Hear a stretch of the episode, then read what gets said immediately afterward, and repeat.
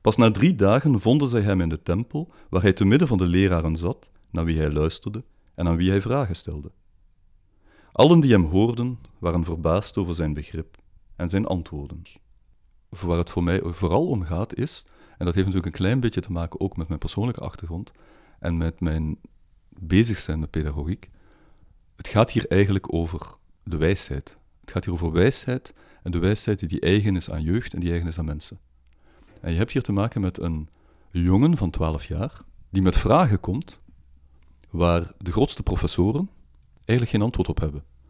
En die met antwoorden komt waar de grootste professoren met open mond blijven staan. Omdat zij, het is ook zo mooi, dat woord is eigenlijk zo mooi, schriftgeleerde natuurlijk, omdat zij eigenlijk vanuit de schrift, vanuit kennis, redeneren, denken, vragen stellen, terwijl een uh, Christus hier eigenlijk spreekt vanuit, niet vanuit de schrift, misschien een stuk vanuit de schrift zoals hij die kende, maar vooral vanuit een wijsheid die eigen is aan leven en jeugd. En dat, dat, ik denk dat dat een van de elementen is die wij misschien tegenwoordig soms een beetje te veel vergeten. Die wijsheid die eigen is aan het leven, vooral die eigenlijk weet te breken door ja, gereguleerde, geïnstitutionaliseerde, geopgelegde kennis.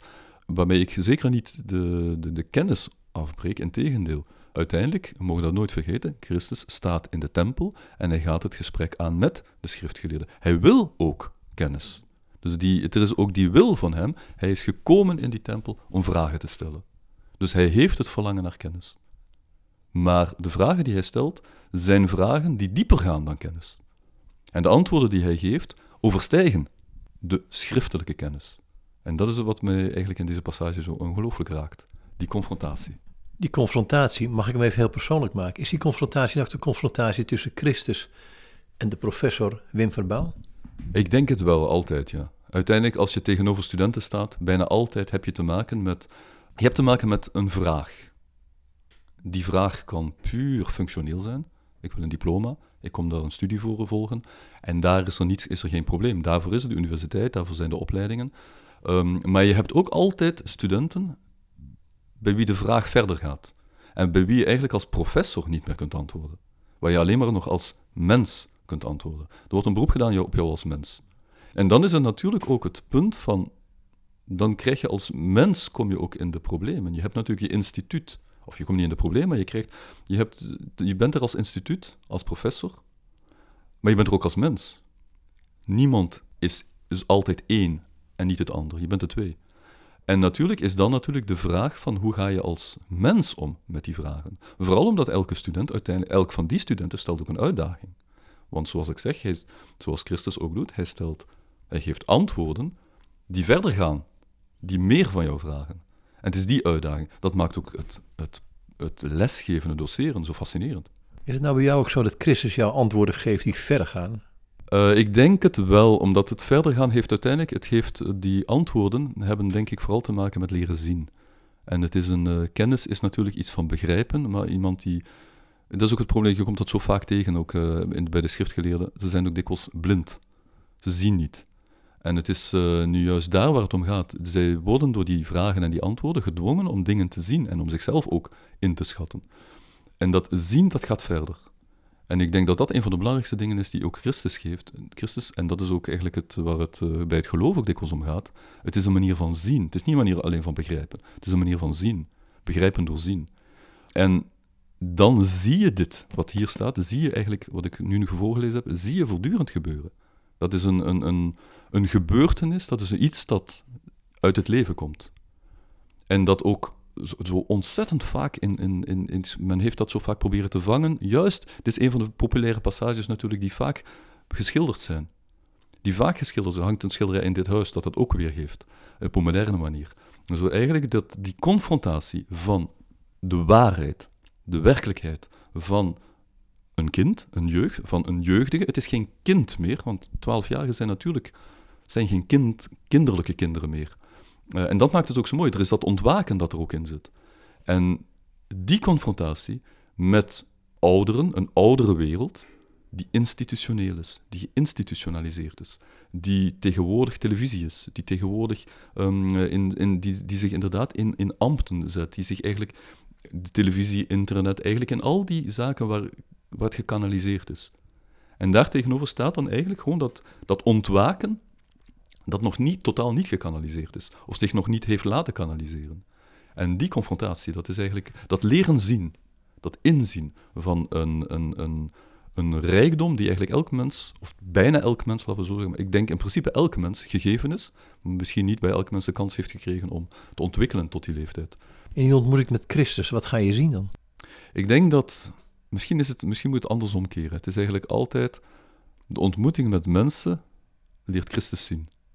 Het is eigenlijk zo van dat, uh, en dat kan natuurlijk eigenlijk alleen doordat die ontmoeting met Christus er is geweest, maar het is nu juist Christus terugvinden in mensen. Maar, maar het begon voor jou ook met een keer dat je op een gegeven moment zag, Christus is er. Ja, ja waar begint dat? Dat is eigenlijk uh, dat is moeilijk, om, dat is moeilijk om te zeggen waar dat, waar dat begint. Dat is natuurlijk van huis uit, krijg je dat mee. Uh, dat is een, een, een, dat is, hij is er. Eerst is dat gewoon een vanzelfsprekendheid. Dan verdwijnt hij. Of je ik verdwijnt, eigenlijk is het zo, hij verdwijnt nooit. En dat is misschien eigenlijk ook het vreemde. Je weet dat hij nooit verdwijnt, hij is er altijd. Dat is ergens inderdaad een zekerheid. Niet een, niet een, een, een, een, een, uh, een zekerheid waar je eigenlijk niet op... Waar je altijd op terug kunt vallen, zonder dat je beseft dat hij er is. En dan op een gegeven moment zie je hem. Je zie je hem, dat is, dat is groot gezegd. Maar je ziet hem in. Misschien in instantie is bij mij gebeurd zonder te merken zonder eigenlijk zelfs de link te leggen. En die link komt dan maar langzamerhand. Eigenlijk ontwaken dan opnieuw, dat is een tweede ontwaken misschien, hè? ontwaken dan eigenlijk opnieuw zaken die je als kind allemaal, ja, die eigenlijk zijn binnengedrongen en die in jezelf zijn doorgedrongen, maar die eigenlijk daar zijn blijven sluimeren, zijn slapen. Of hebben gewerkt onderaards, zonder dat, je eigenlijk, zonder dat het begon te kiemen. En dan opeens ontwaakt het, omdat het eigenlijk wordt gewekt. Het kan alleen maar gewekt worden. Ik denk als het, uh, het, zien heeft inderdaad denk ik te maken met een, een ontwaken door gewekt worden. Dat kennis, wijsheid en geloof, hoe staat het in de relatie tot elkaar? Ik denk dat geloof is een zekerheid. Geloof is een grond waar je op staat. Wijsheid is leven. Wijsheid is iets dat je niet kunt aanleren, maar dat komt bij sommige mensen. Bij, iedereen heeft zijn levenswijsheid. Wijsheid is daar vooral mee gekoppeld met leven. Maar de diepte van de wijsheid heeft vooral te maken natuurlijk met de grond waar je op staat. Sta je stevig, kan er zich ook meer ontwikkelen. En staat, heeft ook heel veel te maken met hoe je omgaat met wat je zelf meemaakt in het leven. En de kennis daarbij is eigenlijk als het ware een. Dat bevindt zich ertussen. Dat is eigenlijk inderdaad, kennis is iets dat, je zou, bijna kunnen zeggen, dat is de voeding die de plant krijgt. Um, de voeding die de plant krijgt, de regen die hij krijgt misschien, de, het zonlicht dat hij krijgt misschien. En dat hem doet groeien in bepaalde richtingen, maar het is uiteindelijk maar de wijsheid van wat hij ermee kan doen. Kennis op zich is nooit voldoende. Geloof op zich is al veel, want je staat, maar is ook niet voldoende. Wijsheid is het resultaat van juist datgene wat je ermee doet. Met die, die twee wijsheid verbindt. Eigenlijk. En wijsheid is de vrucht van de verbindenis, misschien is het zo. En wat je ermee doet, heeft met de mens zelf te maken. Dat is misschien de wil en de, de creativiteit, het vermogen waar een mens eigenlijk zelf actief aanwezig is. Nou staat Christus daar bij die schriftgeleerden, uh, misschien nu bij de professor. Um, hij komt toch van buiten naar deze mensen toe. Het is niet iets wat al aanwezig is. Hij, hij, hij gaat die ontmoeting aan.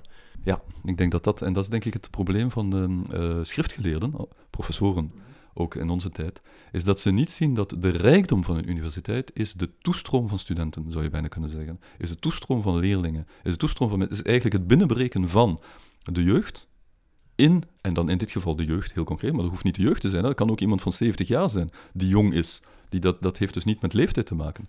Maar is het binnenbreken van en het opvorderen. Eigenlijk het vragen. Dat is natuurlijk echt de levende jeugd. Er is natuurlijk ook een jeugd die niet meer vraagt, die dat heeft afgeleerd die gewoon aanneemt.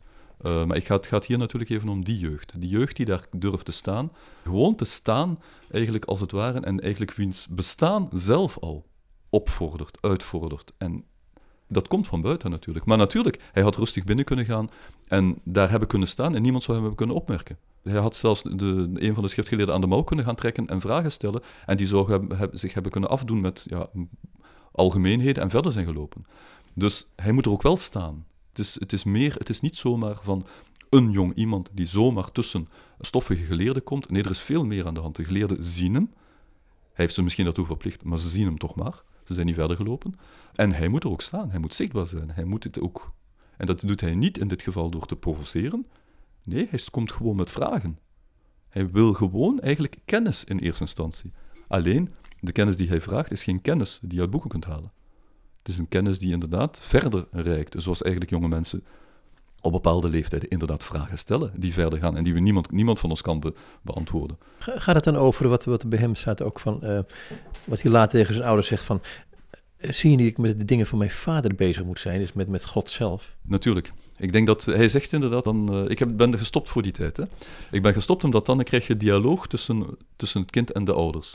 En dat is natuurlijk een. Ik, ik wilde me even concentreren op die, die confrontatie met de schriftgeleerden. Natuurlijk, zoals je zegt, van Christus tegenover de professor misschien. Maar uh, wat daarna komt is inderdaad dan eigenlijk een. Dan gaat het over inderdaad de vader. Hij zegt dat tegen zijn ouders. Dus eigenlijk tegen zijn vader ook. Zeker voor de omgeving. Dus hij geeft aan dat er een ander ouderschap is. En dat het om iets anders gaat. En hij geeft eigenlijk ook aan, jullie hadden niet moeten zoeken, jullie hadden niet bezorgd moeten zijn. Hij, geeft, stelt eigenlijk gerust. Hoewel je eigenlijk heel erg rustig je ook kunt voorstellen. Je kunt, het is zo'n menselijke situatie hier. Hè. Je kunt de, bezorgdheid van, de oude, van Maria en Jozef zo goed voelen, meevoelen. En toch, hij zegt, er is toch geen reden om bezorgd te zijn. Je weet toch waar ik was? En dat geeft ook eigenlijk iets aan. Hè. Je weet toch waar ik was, waar ik moest zijn. Je weet dat toch? Dat kun je niet weten. Dus hoe hadden ze dat kunnen weten? Maar je had het kunnen weten als je inderdaad vanuit die, wat Christus uiteindelijk zegt, vanuit die andere wetenschap, die andere wijsheid, als je vanuit dat denkt. Maar bij mensen hebben dat zo weinig, om vanuit die wijsheid te denken. Een van mijn woorden, alsjeblieft nooit volwassen. Goede opmerking, of niet? Nee, ik denk het niet, sorry. Maar ik denk het niet. Ik begrijp hoe je het wil zeggen en dan denk ik natuurlijk wel, je hebt gelijk. Maar ik denk van, het is nu juist... Uh, zelfs in dit, eigenlijk gaat het dan, want in de volgende stap is natuurlijk, hij onderwierp zich aan zijn ouders en hij groeide in wijsheid. Christus wordt ook volwassen. Dat is ook zo onvoorstelbaar mooi als mens. Een mens is eigenlijk nooit dezelfde. Hij groeit. Hij kan groeien.